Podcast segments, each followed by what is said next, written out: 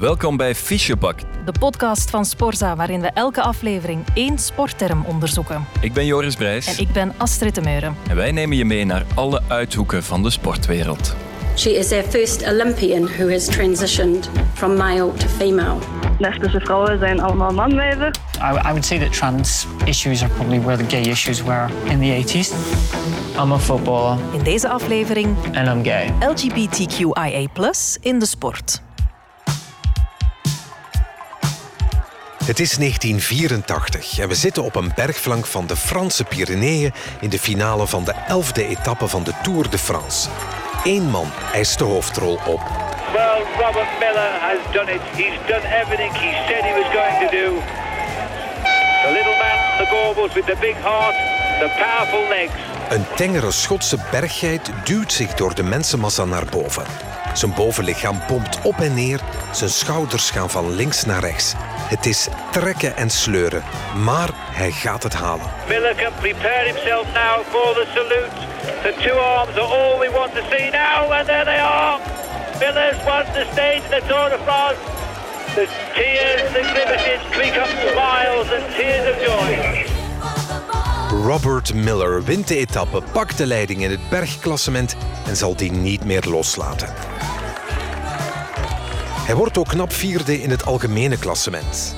Geen enkele Brit op een fiets zou het de komende 20 jaar beter doen. In 1985, een jaar na die tour, is Miller zelfs op weg naar de eindoverwinning in de Vuelta. Maar hij wordt het slachtoffer van een Spaanse samenzwering. Wanneer Miller in de 18e rit een lekke band krijgt, slaan ze toe. But with two days to go, he punctures in bad weather at the bottom of a climb. Two Spanish riders take advantage of his problems and surge ahead. Twee Spaanse renners, José Recio en Pedro Delgado, profiteren. Ze rijden niet voor dezelfde ploeg, maar werken wel samen om een enorme voorsprong te pakken. Ondertussen vecht Miller terug. Hij voegt zich opnieuw bij een groepje favorieten en gaat daar rustig rondrijden. Niemand vertelt hem dat de twee Spanjaarden weg zijn. Miller denkt dat hij safe zit, maar in realiteit is hij zijn leiderstrui virtueel kwijt aan Delgado. Uiteindelijk komt Millers ploegauto het slechte nieuws brengen, maar dan is het al te laat. Het groepje spant samen om een Spaanse eindoverwinning te garanderen. Miller wordt doodgeknepen en eindigt tweede in het eindklassement.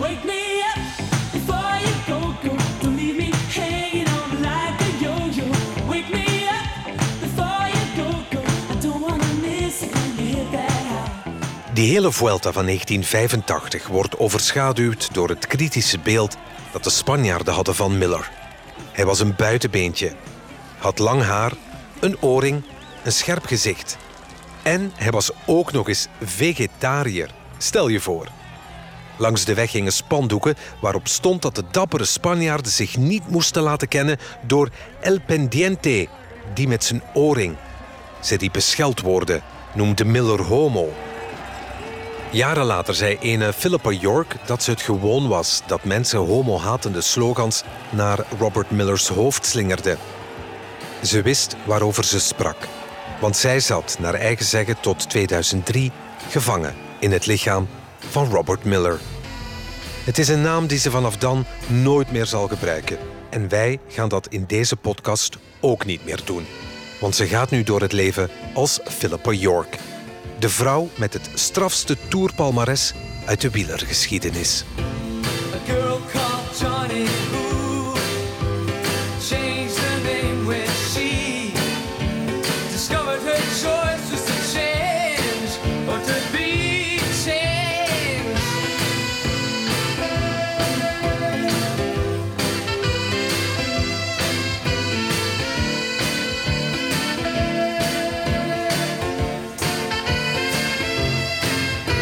Welkom bij Fischebak, de podcast waarin we elke aflevering één sportterm onder de loep nemen.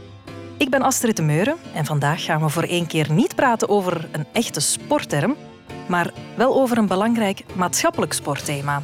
LGBTQIA+ in de sport. Dat is de Engelstalige afkorting die staat voor lesbian, gay, bisexual, transgender, queer en alles wat nog buiten de standaard heteroseksuele categorieën valt. En je hoorde hem al, mijn gast en verteller is vandaag Xavier Taverne. Nieuwsanker bij VRT Nieuws, sportliefhebber en homoseksueel. Dag Xavier. Dag Astrid. Dankjewel voor de uitnodiging. Ik vind het nog altijd gek om mezelf te bestempelen als homoseksueel, omdat het maar een deeltje is van wie ik ben, maar het is niet onbelangrijk, want het is belangrijk dat we hierover eh, praten. Er valt ook heel veel over te vertellen en daar hebben we gelukkig ook eh, de tijd voor. Er zijn zoveel straffe sportverhalen en getuigenissen van sporters die worstelen met wie ze zijn. En dan vooral met de manier waarop de sportwereld daarnaar kijkt en daarmee omgaat. En ik denk dat we door die verhalen wat in het licht te zetten, misschien een beetje te weten komen hoe het voelt om zowel aan topsport te doen als een van die letters te zijn uit die hele lange opsomming. Wat heb jij met sport? Uh, heel veel. ik ben een passieve sportliefhebber sinds kort actief. dat wil ik er meteen bij zeggen. maar ik heb 40 jaar verwenst, alles wat met sport te maken had voor mezelf. Maar ik keek als jonge jongen van 7, 8 naar de Nederlandse televisie, want wij hadden geen kabel en wij hadden ook geen VTM. Dus ik was eigenlijk min of meer verplicht om naar de NOS te kijken. NOS Studio Sport. Maar dan vulde ik mijn zaterdag en mijn zondag met NOS Studio Sport. En dus keek ik naar hockey en naar zwemmen en naar alle sporten waar Nederlanders goed in zijn. Wereldbeker shorttrack. Dat betekent dat het nu definitief aan het winter is. Want ik denk dat de schaatsers weer de overhand gaan nemen. Naar het schaatsen in de winter, dan zat ik voor het WK Allround of het EK Allround of de WK afstanden. Zat ik van s morgens tot s avonds aan het scherm gekluisterd. En daar kon ik uiteraard met niemand over praten, want niemand keek daarnaar. Maar ik vond de manier waarop zij met passie over sport spreken en hoe zij beschreven wat die mensen doen Fantastisch. Ook op internet luisterde ik s'avonds naar NOS Langs de Lijn. Dat is een dagelijks sportprogramma op Radio 1. Kunnen we heel veel van leren. Uh, geweldig. Ook het schaaktoernooi. Er is een heel groot schaaktoernooi bijvoorbeeld in Nederland. Dat elk jaar live becommentarieerd wordt. Ik ken er niks van. Ik haat schaken. Maar ik blijf er toch naar luisteren. Ik wou juist zeggen, als we eens een aflevering over schaken doen... Bel me niet. maar je hebt zelfs ooit uh, voor Sporza gewerkt. Je bent er begonnen. Hoe gevoelig ligt dit thema dan?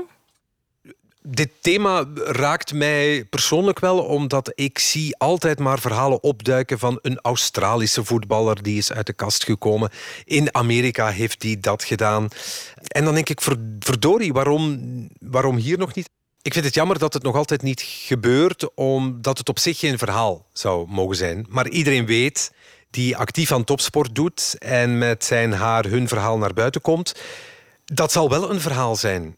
En dat zal voorpagina nieuws zijn. En dat zal een soort posterperson worden voor die hele gemeenschap. En dat vraagt wel wat, omdat de druk die dan op je schouders komt te liggen, als je ook nog eens de allerbeste moet zijn in je sport en waar je mentaal zo klaar voor moet zijn, als je dan ook nog eens het gewicht van een hele gemeenschap met je meezult, ik snap dat mensen weigerachtig zijn om dat te doen. Ja. En toch zou ik zeggen, bel mij. Want ik wil je verhaal horen en ik beloof dat ik het met de grootst mogelijke zorg zal vertellen. Ja, maar toch zit je hier dan een beetje met een dubbel gevoel. Ja, omdat ik enerzijds vind dat dat eigenlijk geen verhaal zou moeten zijn. Anderzijds omdat ik vind dat het net wel een verhaal zou moeten zijn, omdat het in de sportwereld niet gebeurt en er nog altijd bij momenten zelfs lacherig gedaan wordt. Ja. En ja, fijn. Je zal maar in die kleedkamer moeten gaan staan. Maar het is een discussie die we nog ettelijke jaren zullen moeten blijven voeren. Maar kan je misschien wat meer vertellen over die term? LGBTQ of ja, LGBTQIA+. Dat is de meest gestelde vraag op de redactie, ook van collega's. Xavier, wat zeggen we hier? Hoe moeten we het doen? Geef duiding. Geef duiding. En ik probeer dat dan wel, maar ik moet eerlijk zijn dat ik er zelf ook altijd weer even over moet nadenken. En de plus heeft nu alles weggehaald, want LGBTQIA staat voor van alles en de plus is al de rest, wat dan nog niet een letter had gekregen. In de Verenigde Staten wordt er soms wat lacherig over gedaan en noemen ze dat de alphabet people. Omdat je nog heel lang kan doorgaan en dus het hele alfabet in een bepaalde volgorde kan, kan zetten. Maar het is een verzamelnaam of een lijst die alsmaar langer wordt en waarvan de plus nu eigenlijk zeg maar alles opvangt wat er niet in zit. En het verzamelt alles wat niet, als ik het zo mag noemen, heteronormatief is. Alle genderidentiteiten en genderexpressies. Transgender bijvoorbeeld is als man of vrouw geboren zijn, maar je niet zo voelen homoseksueel, lesbisch, biseksueel. Dat gaat over je seksuele oriëntatie, tot wie je je aangetrokken voelt. Tegenwoordig, en daar ben ik wel een fan van, van het woord queer, omdat dat veel zegt. Het is een korte term die je ook makkelijk mee kan pakken. Het is dan jammer dat er geen Nederlandstalige variant voor is, want dat zou dan nog prettiger eh, zijn, denk ik. En genderidentiteit, dat is een heel breed spectrum. We moeten in ons hoofd eigenlijk afscheid nemen van de binariteit man-vrouw.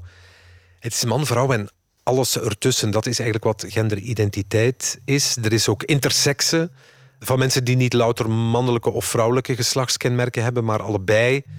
Recent werd ook asexueel als seksuele oriëntatie eh, toegevoegd aan het acroniem LGBTQIA+. Het bekt ook niet makkelijk. hè. Ik moet er ook altijd over nadenken. Mhm. Zelfs deel uitmakende van die gemeenschap. En dat alles staat dan naast wat dan cisgenders wordt genoemd. Dat betekent dat je je volledig identificeert met je biologische geslacht. Dus als jij, Astrid de Meuren, jezelf identificeert als een vrouw en zo geboren bent, dan ben jij een cisgendervrouw. En ik ben een cisgenderman.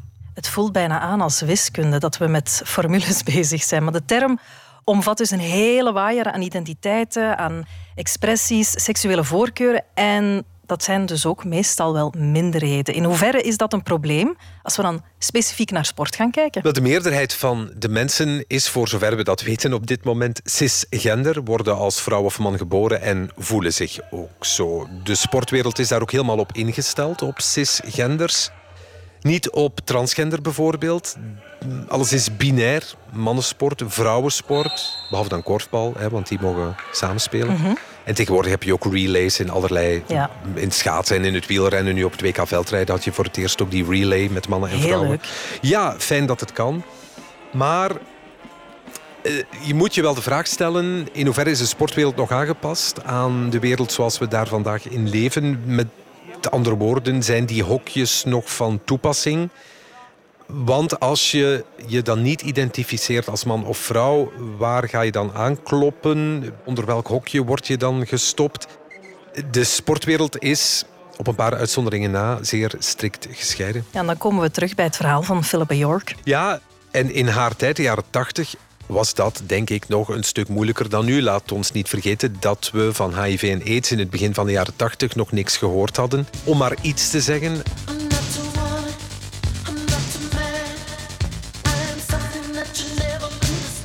eh, mannelijke sporters die wat vrouwelijke trekjes hadden of die homoseksueel waren of zijn, dat, dat was uit een boze. Dat moeten zeer eenzame mensen geweest zijn. En die zullen alleen in beperkte kring, als ze al de moed hadden gevonden, dat gedeeld hebben. Het was voor haar, denk ik, on, enfin, ik ben dat vrij zeker, onmogelijk om te zijn wie ze is. Do you think things are getting better? For example, do you think you could have come out and you could have transitioned back then? You know, when you were at the height of your fame, that just would not have been possible, would it? No, that wouldn't have been possible. It's the 80s, you know, in the 80s and the 90s. And already, you know, we were dealing with kind of the gay issues then, and Yeah. people were kind of getting used to sexuality. But now, with trans stuff, we're kind of gradually catching up. I, I would say that trans issues are probably where the gay issues were in the 80s. Er is dus wel al een lange weg afgelegd, dat is duidelijk. Dat lijkt Philippa York ook wel te zeggen. Maar toch loopt de samenleving altijd weer achter de feiten aan. Ja, we, zijn al een stapje verder. Ik wil nog niet over een stap spreken, maar het is nog altijd maar, zelfs niet met de regelmaat van de klok. Hè. Het is om de zoveel tijd, en dan spreken we over veel tijd, dat een sporter nog uitkomt voor geaardheid. Scheidsrechters eh, bijvoorbeeld, ook moeilijk. Nu hebben we er wel één in de hoogste voetbalklasse Ja. die daar open over is. Fantastisch voorbeeld.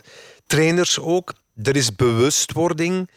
Maar in de sport is heteroseksualiteit nog altijd de norm. De sterke mannelijke man, de ballen aan je lijf, om die uitdrukking dan maar te gebruiken. Dat is nog altijd de norm.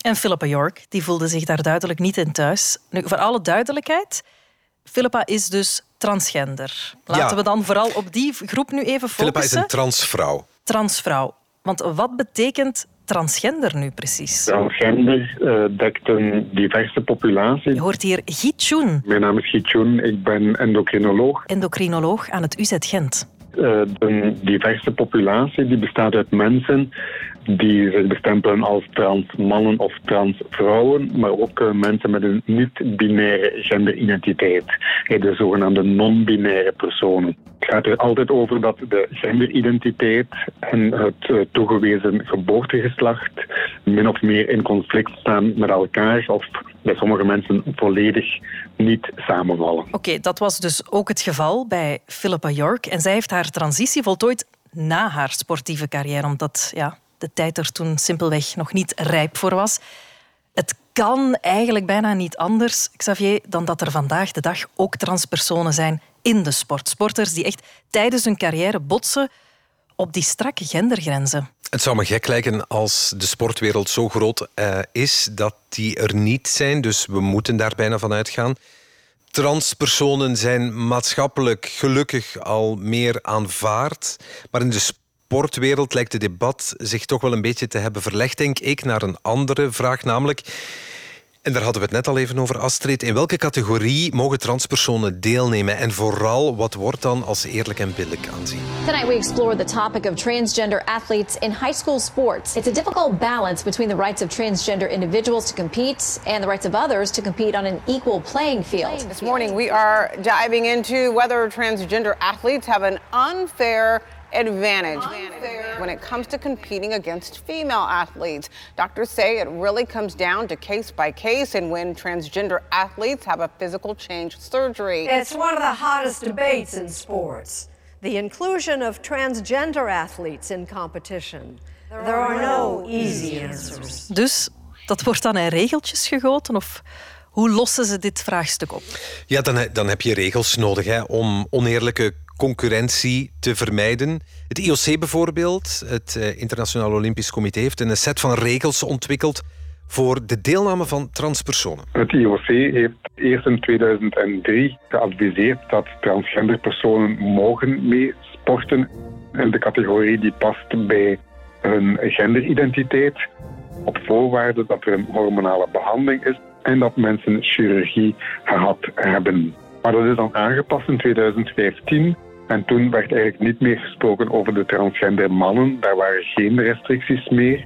Maar voor transgender vrouwen waren er wel voorwaarden. Hè? Uh, eerst en vooral moest er een verklaring zijn dat die vrouwelijke genderidentiteit er effectief is. En ten tweede hebben ze ook een testosteronewaarde bepaald. Die is dan onder de 10 nanomol per liter. En die moet al bestaan gedurende 12 maanden voor de competitie. Ja, die regel die klinkt logisch, maar eigenlijk ook wel best heftig. Hè? Je gaat iets in regels gieten wat eigenlijk moeilijk in regels te gieten valt. Werkt dat? Het omgekeerde zou zeker niet werken, namelijk dat er geen regels zijn. Dus sport draait rond regels en reglementen en afspraken. Dus proberen ze dat hier ook te doen. Soms werken ze, maar vaak ook niet. De belangrijkste kritiek is vooral dat die 10 nanomol per liter dat die eigenlijk vrij hoog uitvalt. Hoog is voor de meeste vrouwen die geboren zijn als vrouw en zich eh, vrouw voelen, de cisgender vrouwen. En een tweede punt van de kritiek is dat de ja, testosterongehalte ook niet alles zegt. Hè. Er is een uh, ander biologisch paspoort dat andere hormonen zou in acht nemen, of ook een aantal rode bloedcellen. Uh, en daar wordt dan eigenlijk geen gewacht van gemaakt. Dus het is een regel, maar het is een regel die wel kritiek kan krijgen. Het is dus een moeilijke regel, maar de regel zorgde er wel voor dat in 2021 voor de allereerste keer een openlijke transvrouw kon deelnemen aan de Olympische Spelen in Tokio. De Nieuw-Zeelandse Laurel Hubbard die mocht daar meedoen aan het gewichtheffen. Laurel Hubbard is now a member of the New Zealand team to Tokyo. She is our first Olympian who has transitioned from male to female. We do know that there are many questions about fairness of transgender athletes competing in the Olympic Games. But I would like to take this opportunity to remind us all that Laurel has met all of the required criteria. En je hoort hier al dat er wat tegengas gegeven wordt, want ze won dan wel geen medaille. Er was toch veel kritiek op haar deelname. Het werd als unfair gezien, net zoals op de Pacific Games twee jaar daarvoor in 2019. Toen won ze wel een uh, medaille, goud. En er was heel wat negatieve kritiek op haar deelname. Om niet te zeggen dat ze eigenlijk een beetje werd verguisd en gedemoniseerd. They have simply followed the rules. Uh, and that's the case for Laurel, but also uh, the team in New Zealand. They have followed the rules. Het lijkt me dan vooral toch een gevoelskwestie. Hè? Want als je testosteronniveau laag genoeg is, dan heb je toch helemaal geen voordeel. Wel, dat zou je denken. Uh, het verhaal van Laurel Hubbard is best succesvol.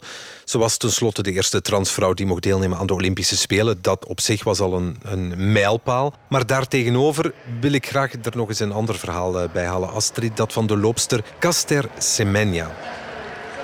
En dat is een naam die misschien meer dan één belletje doet rinkelen. Mocht niet deelnemen aan diezelfde Olympische Spelen in 2020, omdat ze een intersexe vrouw is. Maar we gaan een beetje weg van het thema transgender met het verhaal van Caster Semenya, omdat zij dan uh, niet transgender is. Maar wel medisch gezien tot de categorie behoort van mensen met een intersex aandoening. Dan is er een variatie, genetisch of hormonaal, die ervoor zorgt dat mensen bepaalde lichaamskenmerken hebben. En dus Semenya is een vrouw die heel veel testosterone heeft en de bijpassende spiermassa. En effectief, ja, mensen, veel mensen zijn nog altijd overtuigd dat er maar twee categorieën bestaan. Hè. Typische mannen of vrouwen. Maar we weten ondertussen vanuit de, de medische wereld en, uh, en ook sociologisch dat er grote genetische variaties bestaan, hormonale variaties en fysieke variaties. En dat is toch een belangrijk onderscheid dat hier gemaakt wordt. Caster Semenya heeft dus een medische aandoening. Biologisch heeft ze zowel mannelijke als vrouwelijke kenmerken, maar ze voelt zich wel vrouw. En waar mensen in het debat, en je zou bijna zeggen uiteraard, over struikelen, is dat iemand als Laurel Hubbard, de vrouw waar we het net over hadden, een transvrouw die zich medisch heeft laten behandelen, wel mocht deelnemen aan de Olympische Spelen. En Caster Semenya, die van nature uit de hoge testosteronwaarde heeft en daar feitelijk niets aan kan doen, toch wordt uitgesloten van de competitie. En daar zie je toch dat we botsen op die heel strakke binaire grenzen binnen de sport. If you want to get rid of a, human being, you go tell them straight, I want to get rid of you. Instead of going around collecting data on how you know their body or their physique, uh, uh, their performance, you know, probably there's something, you know, you know, adventurous or something, or probably because they say I have advantage, you know, in high testosterone. Of course, I do have it. So what? Een duidelijk verbitterde Caster Semenya. Ja, en niet alleen over dit voorval, want ze heeft al behoorlijk wat meegemaakt. We moeten even terug naar 2009. Toen werd er bij haar een dopingtest afgenomen. Tenminste, dat dacht ze. They had asked the South African authorities to conduct a gender test on her. Dat bleek achteraf een genderdeterminatietest Oh. te zijn. To prove whether she was able or not to actually compete in these games as a woman. There were suspicions and rumours that, um, you know, there was some doubts really about her gender. She's young. She's a junior. She's 19 years old. There's one question which is clear. If at the end of this investigation it is proven that the athlete is not a female, we will withdraw her name for the results of the competition today. There's no mandatory gender testing, but on, on suspicion or if there's a challenge maybe um, of her gender, that the IWF has the right to ask discreetly for a test. En ondanks het feit dat het resultaat vertrouwelijk moest blijven, hoorden we hier al dat dat dus niet zo was. Het kwam eigenlijk al snel ehm, aan de oppervlakte dat ze een intersexe persoon was. Ze heeft geen eierstokken of een eh, baarmoeder, maar wel interne mannelijke geslachtsdelen. Er zijn filmpjes waarin journalisten haar vragen of ze een man is. I heard that you born a man. What you have to say about stuff like that?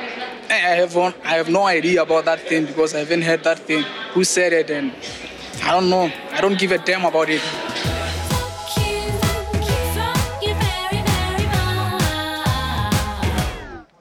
Leuk hè, als je zo'n vragen krijgt voorgeschoteld. Ze probeert zo haar onwennigheid wel te verstoppen.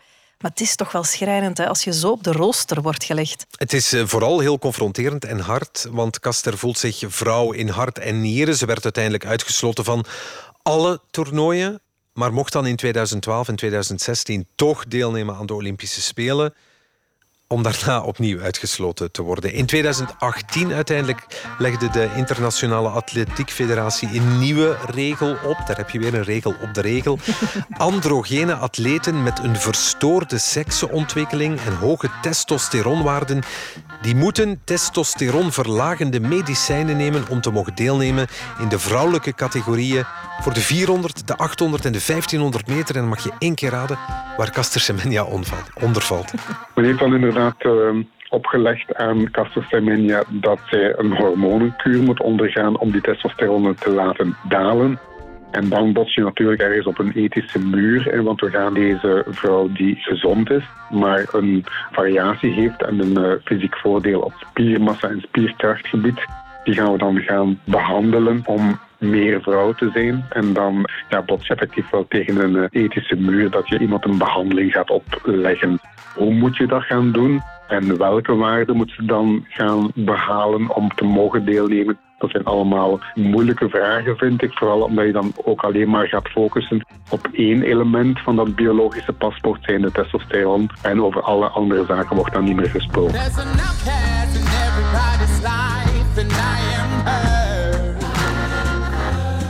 De nieuwe regel van de Internationale Atletiek Federatie was dus bijna op de persoon van Caster Semenya gemaakt, die zich daardoor geviseerd voelde.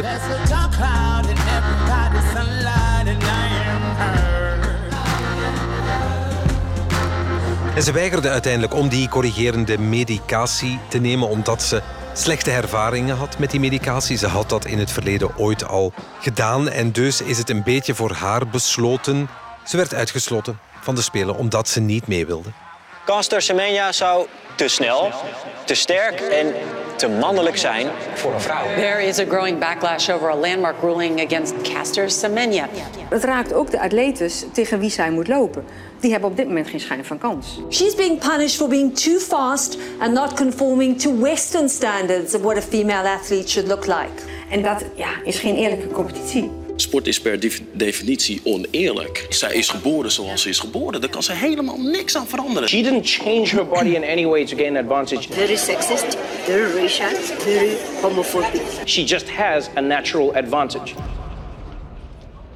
Ja, en toen? Einde carrière? Wel, ze, is naar de rechtbank getrokken, maar verloor twee keer haar zaak. Zowel voor het Internationaal Sporttribunaal als voor het Hooggerechtshof in Zwitserland. En ze kon uiteindelijk niet naar de Olympische Spelen. In 2021 trok ze ook nog eens naar het Europees Hof voor de Rechten van de Mens. Ze blijft naar uh, eigen zeggen strijden voor de rechten van vrouwelijke sporters. Maar voor haarzelf is het te laat. Oké, okay, benieuwd naar het vervolg alleszins. Er is wel nog één ding dat ik mij in dit verhaal dan nog afvraag. En ik denk met mij nog vele anderen. Hebben transgenders of intersexe personen eigenlijk een lichamelijk voordeel bij het sporten? Ik ga het simpel zeggen, ja. Toch? Je kan niet ontkennen dat transvrouwen een fysiek voordeel hebben. Er is een verschil tussen mannen en vrouwen. En mannen hebben meer spiermassa, hebben meer snelle spierweefsels, hebben meer explosiviteit daardoor, sterkere botten, groter hart, meer longcapaciteit, meer rode bloedcellen. En als je de testosteron laat dalen bij die transvrouwen en uh, oestrogenen geeft, vrouwelijke hormonen geeft, dan zie je wel veranderingen optreden na één jaar, na twee, na drie jaar.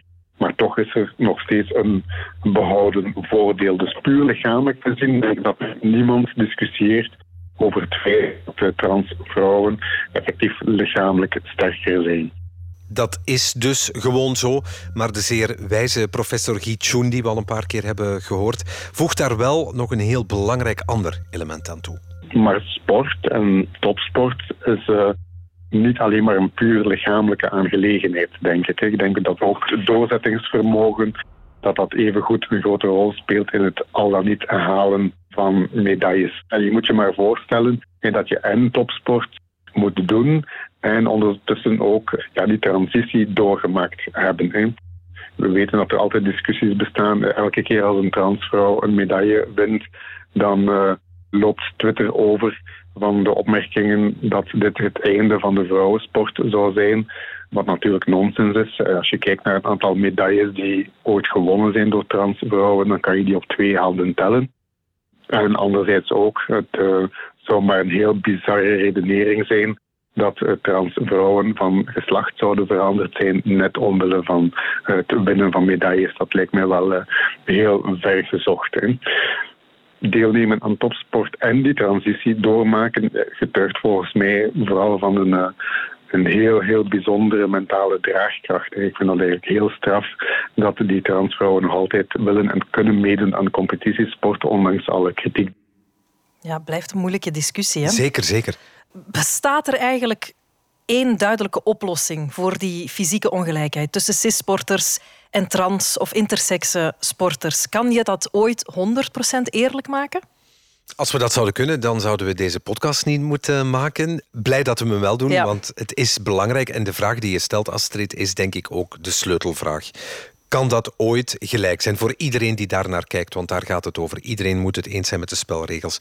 En professor Gichoen heeft daar ook over nagedacht. Uiteraard heeft hij dat gedaan.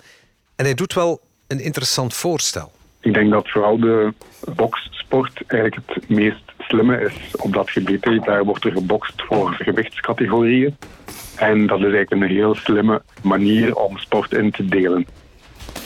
Per sport moet je eigenlijk gaan kijken van, eh, als we ooit uit die discussie willen raken tenminste, moet je kijken van welke lichamelijke eigenschappen zijn er eigenlijk nodig. Hè? Is het de uithouding die van belang is? Is het de lenigheid die van belang is? Is het de spierkracht die van belang is? En op die manier zou je ook kunnen bedenken dat kleine mannen evengoed lange afstandslopers zouden kunnen zijn, zelfs met een kortere benen en ook medailles zouden kunnen winnen. Dus als je ervan uitgaat dat het grote onderscheid man-vrouw moet zijn, dan zijn er heel veel mannen die ook binnen die mannencategorie benadeeld zijn op basis van bepaalde lichamelijke kenmerken.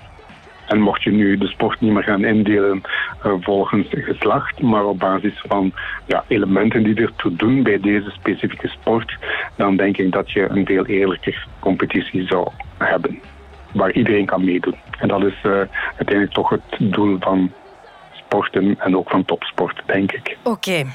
Transgender en intersexe, dat is één kant van het LGBTQ-verhaal in de sport een moeilijk en complex verhaal, dat is nu nog maar eens duidelijk geworden. Maar er is ook nog een andere kant. Je als sporter simpelweg outen als homo of lesbienne, zonder dat je van geslacht bent veranderd of intersexe bent.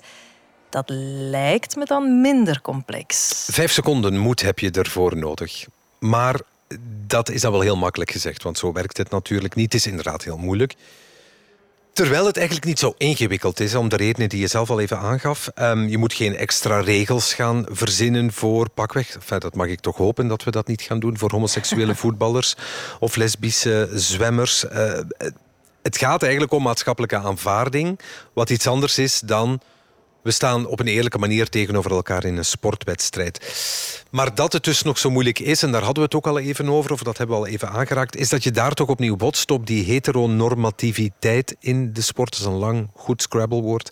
De norm van de atletische, stoere man en daartegenover de slanke sportvrouw. Want als je aan 100 mensen vraagt om een afbeelding in de encyclopedie naast sportvrouw en sportman te zetten, zijn mhm. dat de afbeeldingen die er 9 op de 10 keer zullen bijkomen, denk ik. En al wie daarvan afwijkt, die staat bloot aan discriminatie, intimidatie en geweld. Nu gooi ik het allemaal op een hoop. Dat is lang niet altijd zo. Maar dat is wel voor een stuk waar je ineens kwetsbaar voor bent. Dus snap ik bijna waarom mensen liever niet hun coming-out doen zolang ze nog actief sporten. Ze verstoppen zich nog liever, denk ik. En dat kan ook omdat je als sporter natuurlijk de hele dag bezig bent met je sport. Je hoeft eigenlijk niet na te denken over je leven, want daar heb je namelijk geen tijd voor. je hebt die luxe niet als sporter. Um, en die angstcultuur, wat dan een groot woord is, maar om het dan toch maar zo te noemen, zorgt er wel voor dat het nog altijd als een soort van heldendaad lijkt als iemand wel zegt dat hij homoseksueel is op wat voor manier dan ook. En bij mannen denk ik nog iets moeilijker dan bij vrouwen, want bij vrouwen vinden we wel voorbeelden. Ik denk dat in het algemeen het voor vrouwen toch wel een pak gemakkelijker is in de sport om, om uit te komen als lesbos. Uh, dan het is voor, voor mannen die uitkomen als homo. Dit is Kim Meilemans. Ze heeft het beroep met de mooiste naam, Skille Tony. Ze doet aan skeleton en ik denk dat ik dat het makkelijkste kan omschrijven als plat op je buik op een plank dezelfde weg afleggen als een bobslee. Ik denk van mannen wordt verwacht als die topatleten zijn dat het eh, ja, sterke macho mannen zijn en daar past het stereotypische beeld van een homoman niet bij. Waardoor het denk ik een heel pak moeilijker is. En bij vrouwen net het tegenovergestelde. Als je als meisje uh, en als vrouw veel sport doet, dan word je sowieso al eerder gezien als niet zo vrouwelijk meisje. En daar is dan weer het stereotype van lesbische vrouwen zijn allemaal manwijven. Dus daar is het dan weer net het omgekeerde dat het ietsje gemakkelijker is om ja, gewoon jezelf te zijn, omdat het sowieso al bijna van u verwacht wordt. Zo erg als het is, om dat te zeggen. Het is wel heel dubbel, hè? Nogal, ja. het is redelijk aanvaard om als vrouwelijke sporter jezelf te outen als lesbienne. Maar de reden voor die aanvaarding is wel het stereotype beeld van de lesbische vrouw. Ja, en dat wringt langs alle kanten natuurlijk. Maar uh, gelukkig is er wel die aanvaarding. Dat is misschien wel het belangrijkste. Want die heeft er wel voor gezorgd dat de coming-out van Kim Heilemans als lesbische sporter geruisloos wil ik niet zeggen, maar toch vrij goed verliep. Voor mij in de sport was eigenlijk nooit een, een grote problematiek. Skeleton is dan natuurlijk ook een sport waar je ja, met een heel kleine uh, groep van atleten zit en daarmee eigenlijk ja, de hele wereld rondreist. Dus uh, we kennen elkaar allemaal heel goed. Dus qua, ja, qua confrontatie in de sport heb ik eigenlijk gelukkig uh, geen last gehad. Dat is mooi. Vlotjes? Uh, redelijk vlot, omdat de wereld waarin ze dat heeft moeten doen voel ik aan alles wat ze zegt ook dat ze die niet als vijandig heeft ervaren voor ze die coming-out deed. Ze heeft uit één hoek wel wat reactie gekregen. In 2017 moest het WK bobslee en skeleton doorgaan in Sochi. Rusland, maar daar gingen heel wat atleten niet mee akkoord. Ook Kim Meilemans niet. En ik heb toen gezegd van ik ga niet naar een land waar dopingzonder alleen zijn helemaal oké is. Daar krijg je geen straf voor. Dat wordt zelfs ja, beloond. Maar ik als, als iemand die uitkomt voor uh, te zijn, eigenlijk een gevangenisstraf zou krijgen. En daaropheen is er dan een, een hele golf van uh, Russische haat over me heen gekomen. Dat was uh, van commentaren op mijn socials dat het goed was dat ik niet naar Rusland kwam, want uh, lesbis of ja, homo zijn is hetzelfde als kanker hebben. Dat is een ziekte en we moeten ja, geholpen worden, zo ongeveer. tot gewoon ja, foto's van geweerlopen die op de camera gericht geweest zijn, was daar zowat alles tussen. Ongelooflijk, hè? Heel hard. Ja, en misschien ergens te begrijpen in die zin dat homoseksualiteit nog niet zo heel lang van de officiële lijst met ziektes is geschrapt in het licht van de geschiedenis. Dan spreken we over het midden van de 20e eeuw, om maar iets te zeggen. Onze ouders die leefden al toen dat nog officieel een ziekte was. Maar het is wel binnengekomen bij Kim. Ik was toen, om eerlijk te zijn, wel echt heel gechoqueerd. Omdat ja, hier in België kennen we dat niet echt zo, moet ik eerlijk zeggen. Uh, hier is het allemaal vrij open en ja, is dat een beetje een non-issue vaak. Ik zeg niet dat dat ook voor de mannen het geval is of voor transgenders. Ik denk dat daar nog heel veel werk aan de winkel is. Maar voor ons vrouwen en meisjes denk ik valt het nog wel vrij goed mee in vergelijking. Dus ik was nog nooit in aanraking gekomen met dit soort van ja, gedrag. Uh, dus het was vooral een heel grote shock. Maar tegelijkertijd natuurlijk ook een bevestiging van, ja, van mijn beslissing om zeker niet naar Rusland af te zakken. Je hoort ook als Kim Meilemans praat, dat is een zelfzekere vrouw. Uh, ook al heeft ze hele moeilijke winterspelen gehad, waarin we ze kwetsbaar hebben gezien, is dat eigenlijk gewoon een hele sterke vrouw. Ik heb ze ook een paar keer geïnterviewd. En ik schrik er ook niet van dat ze hier zo moedig over praat. Um, jezelf outen is moeilijk, zeker als je dan ook nog eens midden in die top uh, sportwereld staat. Je moet een drempel over en dan heb je vertrouwen nodig en dat heeft ze duidelijk. En om dat vertrouwen te krijgen zijn bepaalde mensen heel belangrijk. Rolmodellen. Tegen wil en dank. Sommige mensen zeggen dat tegen mij ook. Ja, ik vind jou een rolmodel. Dan denk ik, dat ben ik helemaal niet. Maar als ik dat voor één iemand ben, ja, dan ben ik een rolmodel, blijkbaar. En zo gaat dat ook in de sport. Mensen die anderen de moed geven om toch over die drempel te stappen. En daarom zou ik graag even willen focussen op een van de grootste vrouwelijke rolmodellen ooit in de sport. En daarvoor reizen we even terug naar een waanzinnig sportmoment uit 1973 met een persoonlijke heldin van mij. Following is an exclusive presentation of ABC Sports, live from the Astrodome in Houston, Texas. The tennis battle of the sexes Billie Jean King versus Bobby Riggs. Any ball you can hit, I can hit harder. I can hit any ball harder than you. No, you can't. Yes, I can. No, you can't. Yes, I can. No, you can't. Yes, I can. I can. Hit such smart lobs, you chase them till your heart throbs. I can hold my service till you're very nervous. I can serve a cannonball. But can you hit one back? Yeah. I knew you'd say that. Any ball you can get, I can get faster. Backhand or forehand, I'm master of you. No, you're not. Yes, I am. No, you're not. Yes, I am. No, you're not. No, you're not. Geweldig toch, hè? Heerlijk. De Tennis Battle of the Sexes. Een tennismatch van een vrouw tegen een man. Het hoogtepunt van een lange strijd voor gelijkheid tussen mannen en vrouwen binnen het tennis. Mannen kregen traditioneel meer prijzengeld, meer kansen om te spelen, meer persaandacht, meer sponsordeals. En die strijd die werd vooral geleid door Billie Jean King. The feminist thing, uh, how important is that, Billy? The women's movement is important to me, uh, as long as it stays practical. And I think that the women's movement is really making a better life for more people other than just women. And I feel very strongly about it from that point of view. Twaalf keer won ze een Grand Slam. Het is een van de beste vrouwelijke tennissers ooit. Women's final. Brazil's Maria Bueno in the far court. And America's Billie Jean King. Is ook de baas van de WTA geweest. Dat is de vrouwenspelersorganisatie uh, binnen het tennis. En er is ook over die hele kwestie een geweldige film gemaakt. In the third set, Billie Jean serves for match point. Beautiful shot, and the Wimbledon title is hers. The 22-year-old California girl receives the trophy from Princess Marina. This is Billie Jean King of America, the new queen of tennis. Geweldig om te horen. Ze heeft veel gewonnen in haar leven, Billie Jean King. That was it. It was all over. Billie Jean King had taken the women's singles title for the third time. Maar ik heb altijd de indruk, als ik aan haar denk en aan haar carrière, dat dat sportieve ja zeer belangrijk was. Maar die strijd voor meer gelijkheid tussen mannen en vrouwen, ik heb het gevoel dat dat haar meer zal definiëren en dat dat haar erfenis zal zijn. Ze botste in de jaren 60, vroeg in haar carrière trouwens al Astrid, op die ongelijkheid in de tennissport. In 1968 was the first year that we actually got prize money. It didn't even dawn on me that we would get less. Rod Laver won Wimbledon. He got 2,000 pounds in 1968. And I got 750 pounds. Het is eigenlijk heerlijk om Billie Jean King te horen zeggen dat ze er nooit had bij stilgestaan, dat ze wel eens minder zou kunnen krijgen dan haar mannelijke evenknie. En dat maakt Billie Jean King tot Billie Jean King oprecht. Zij was daarvan overtuigd, wij gaan evenveel krijgen. Maar dat verschil in prijzengeld is er altijd wel geweest. En op dat moment rond dat stuk in de geschiedenis zijn uh, de mannelijke tennissers zich gaan organiseren in een tennisbond.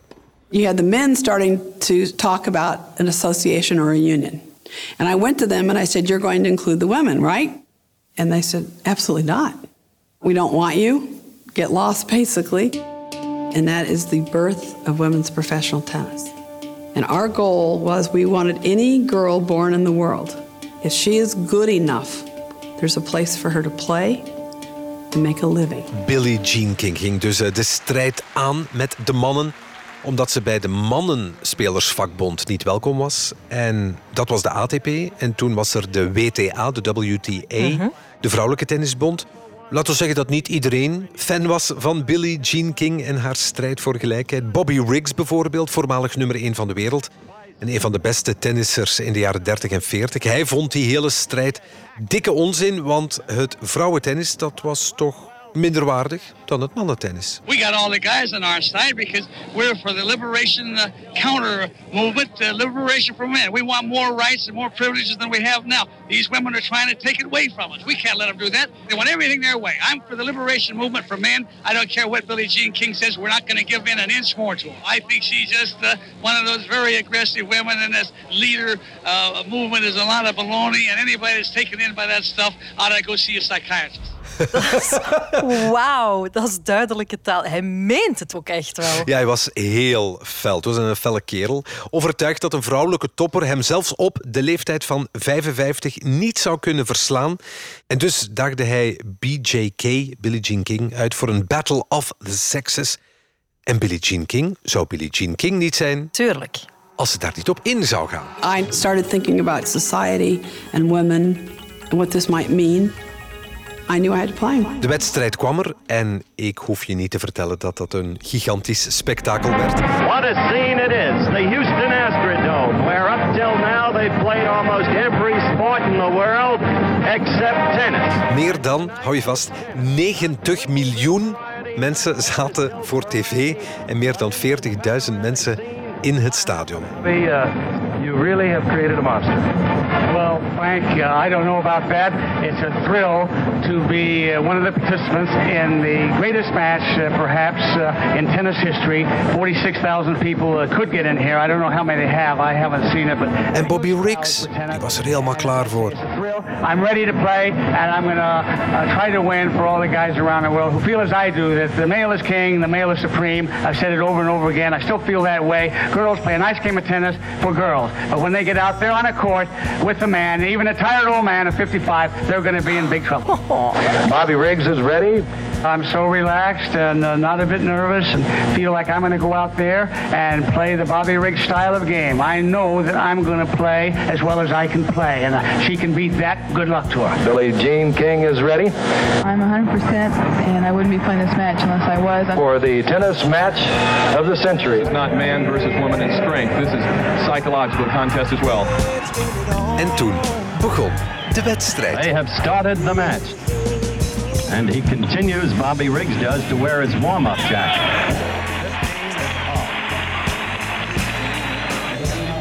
You'll hear the crowd responding all night to every point won by Billie Jean. This is best of five sets.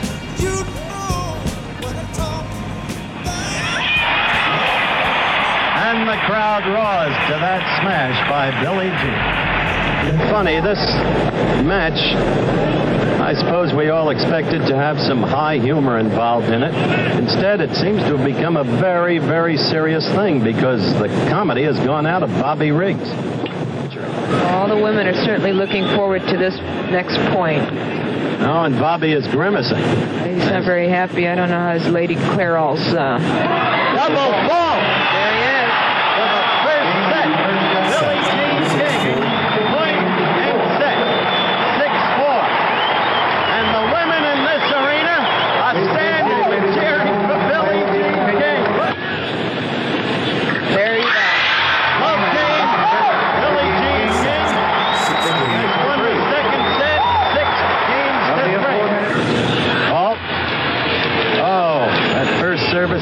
Disaster for him all night, Gene.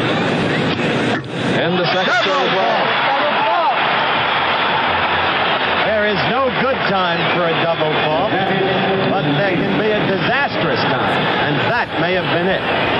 Third match point for Billie Jean King.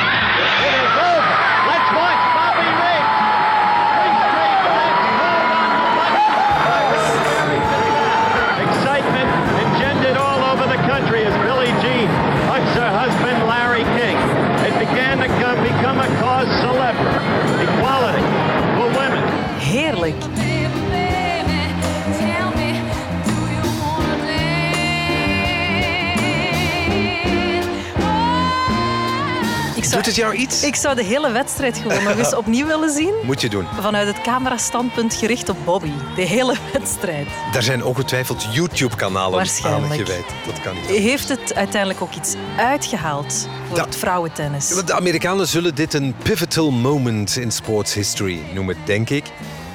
Ze heeft de mannen, om te beginnen, met de beide voetjes terug op de grond gezet en vooral heel veel moed gegeven. En ik denk dat dat de takeaway is van wat daar gebeurd is aan alle vrouwen in de samenleving. Ook lesbische vrouwen, want later is ze zelf ook uit de kast gekomen.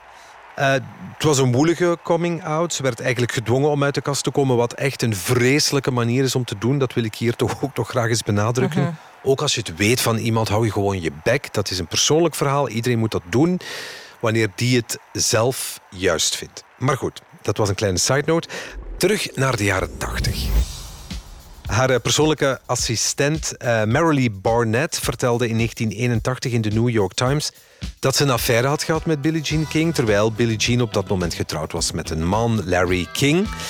Ze werd dus gedwongen om het heft in eigen handen te nemen en op 1 mei 1981, stel je voor, gaf ze een persconferentie die echt haar leven zou veranderen.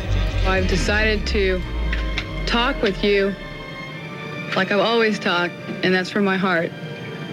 I did have an affair with Marilyn Barnett. It's been over for quite some time. Daar zit je dan, hè? Wel heel moedig. Mhm. Hoe waren de reacties? Want ja, uh, even toch nog eens zeggen, we zitten opnieuw in de jaren tachtig? Ja, waar veel, denk ik, sportjournalisten, en laat ons daar niet flauw over doen, veel mannelijke sportjournalisten ongetwijfeld, schuimbekkend naartoe zijn getrokken naar die persconferentie. Statement zorgde voor heel wat ophef. Maar de Amerikaanse pers was eigenlijk heel lovend. Ze prezen haar moed en haar eerlijkheid. Ook van collega tennisspeelsters kreeg ze veel steun. Maar ze verloor wel al haar licenties om te tennissen, waardoor ze uiteindelijk een paar miljoen aan prijzengeld is misgelopen. Ze werd wel meteen een icoon. Daar betaal je geen boterhammen van, maar ze is inderdaad wel een icoon geworden door die Battle of the Sexes. Ja. En nu nog veel meer. Ze is, was een sportief icoon, een icoon voor vrouwengelijkheid. Nu nog eens een rolmodel ook voor lesbische vrouwen. En ook voor mij is Billie Jean King een van de moedige figuren uit de recente sportgeschiedenis. En niet alleen voor mij, ook voor Kim Meilemans. Als je kijkt naar wat zij in beweging gezet heeft en dat de dag van vandaag vrouwentennis deels grotere prijzengelden trekt als de mannentennis, of tenminste op gelijke ooghoogte komt, dat is indrukwekkend. En ja, zij was natuurlijk de eerste heel grote naam die bovendien ook nog lesbisch is. Ja, Billie Jean King is uh, legend natuurlijk. Oké, vrouwelijke rolmodellen zijn er dus. Uh, voor jou ook, want jouw ogen fonkelen al heel de tijd als je het over haar hebt. Maar hoe zit dat nu bij de mannen? Kim had het daar ook al over. Hè? Dat ligt veel moeilijker. Zijn er toekoer mannelijke rolmodellen? Kan jij er mij vijf opzommen? Nee. Ze zijn Nee. inderdaad dun gezaaid. De vrouwenkant zijn het er al heel veel. Maar helaas, ja, de mannenkant blijft er een beetje achter. Ehm, gelukkig ziet je het op wereldniveau ondertussen wel dat daar beweging in komt. Met de eerste homoman in het ijshockey, met de eerste homoman in de NFL enzovoort. Ik denk dat hier in Europa in de, in de sporten die heel populair zijn, nog wel ja, heel veel werk is om die rolmodellen te zien ontstaan. Maar ze zijn er wel, ze bestaan, dat kan niet anders. En dus is de vaststelling dat we nood hebben aan meer mannelijke homoseksuele rolmodellen in de sport. Als we eens kijken naar wie er dan wel is. David Coppé bijvoorbeeld, een American footballspeler die in de jaren 80 hm, alsjeblieft uit de kast kwam. Na zijn carrière weliswaar, want Hmm. dat doen we dan, na de carrière. Maar dan nog zijn droom om ooit voetbalcoach te worden, die kon hij wel definitief opbergen. En toch, en dat vind ik heel mooi, want dat is ook een rolmodel, had hij er geen spijt van, van zijn outing. all hell broke loose. And everybody in my family was really disappointed with that, you know. And I knew how hard it would be, but it was like, this is my life. I've got to live my own life. I got to stand up and be the man that I think I could be. En dit, di- gewoon die quote Ja. moeten ze gewoon inkaderen, opsturen naar elke topsportclub en dat overal gaan ophangen. Zodat wie eraan twijfelt het kan lezen en die levensles er nu bij neemt om over twintig jaar niet het gevoel te hebben dat er twintig jaar weg is. Maar goed, David Coppé, dat was de man die we hoorden. Baanbreker.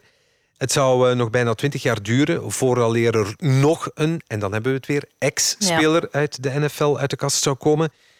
En op de eerste actieve speler die zich outte, was het eh, wachten tot vorig jaar. Met actieve speler bedoelen we actief in de sport en niet zijn rol in de slaapkamer, want dat is ook een ding natuurlijk. Jij was de enige die daaraan aan het denken was. Om maar te zeggen, het blijft tot vandaag de dag toch een eh, zeldzaamheid. Dat merkte je ook toen in oktober 2021 de Australische profvoetballer Josh Cavallo uit de kast kwam. Zeldzaam, een homoseksuele voetballer zeg. Stel je dat voor. Wereldnieuws. Er is opvallend en zelfs historisch nieuws uit de voetbalwereld. De Australische profspeler Josh Cavallo heeft verteld dat hij homo is. Something personal that I need to share with everyone. I'm a footballer and I'm gay. Met een filmpje op zijn sociale media heeft Cavallo zich geout. Cavallo is 21, hij speelt bij Adelaide United en hij is de eerste Australische profvoetballer die uit de kast komt. Hij zegt dat hij niet langer een dubbel leven wilde leiden als homo en als voetballer. Hij kreeg meteen veel steun, onder meer van de Australische Spelersvakbond. Ja, het is zoals je zei, spijtig dat het zo, dat het zo zeldzaam Mm. is. Hè? Maar wel goed dat hij het dan net wel deed. Het is een prachtig verhaal. En weet je wat er opvalt als zo iemand uit de kast komt? Dat als je dan daarna naar de Instagram-pagina gaat, de dag ervoor volgt niemand die, die Ja. ik ken. En de dag erna, jij en 69 van je vrienden volgen Josh Cavallo. Om maar te zeggen, ja, het is belangrijk. En het is dus een rolmodel. En waar we net ook al even de nadruk op legden, was dat heel veel topsporters, mannelijke topsporters, het eigenlijk pas doen als de carrière voorbij is, als de money train binnen is. Want dat uit de kast komen gaat, jammer genoeg, nog altijd heel vaak gepaard met afwijzing. Eh, gelukkig zijn er stilaan meer en meer positieve verhalen, zoals Josh Cavallo, die we net hoorden, die meteen ook de steun heel belangrijk kreeg van de bond ook. Ehm, hij voelde zich ondersteund en aanvaard door de meerderheid ook van de mensen. En pas als we die verhalen vaker en vaker gaan lezen, als niemand nog zijn schouders ophaalt voor genderdiversiteit en seksuele diversiteit, dan zal het ook gewoon geen nieuwsitem meer zijn. Laat dat de inzet zijn, hè, dat we er geen journaal meer mee moeten openen en ook geen doorlezertje in vaktermen van moeten Ja. maken. Dat het misschien een ook dat nog stukje is op een website. Als je het er echt over wil hebben, dan moeten we er ook geen podcasts meer over maken. Ook al vond ik het heel fijn om dit met jou te doen. Eh, laat er ons gewoon voor zorgen en dan trekken we het weer wat breder, denk ik. Dat sport gewoon een veilige haven moet zijn voor iedereen. Hoe jong je ook bent, hoe oud je ook bent, op wie je ook valt, hoe je je identificeert. Dat maakt op zich allemaal niet uit voor de manier waarop je in, aan sport doet en sport beleeft. En ik zou zo graag die eerste mannelijke topsporter spreken die erover twijfelt. Om, dat ligt mij zo na aan het hart, omdat ik weet wat het gaat doen.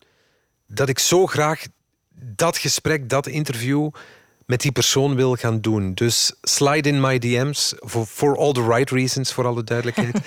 Ehm, en doe je verhaal. En misschien kunnen we één of twee of drie verhalen samenbrengen. Want je hoeft dit niet alleen te doen. En ik denk dat dat ook een belangrijke boodschap is. Die gemeenschap, die staat er onmiddellijk vanaf minuut één. De warmte die vanuit die gemeenschap over jou neerkomt, dat is fantastisch. En ga je mensen verliezen? Misschien. Maar je krijgt er wel een chosen family bij. Mhm. En dat is heel schoon. En wie weet heeft dit ook wel zo voor het laatste duwtje gezorgd voor misschien die ene persoon. Als we voor één iemand het verschil hebben gemaakt, Astrid, dan is het genoeg. Oké. Het lijkt een vanzelfsprekendheid. De weg is nog lang, maar ze is wel ingezet. Dankjewel, Xavier. Jij bedankt.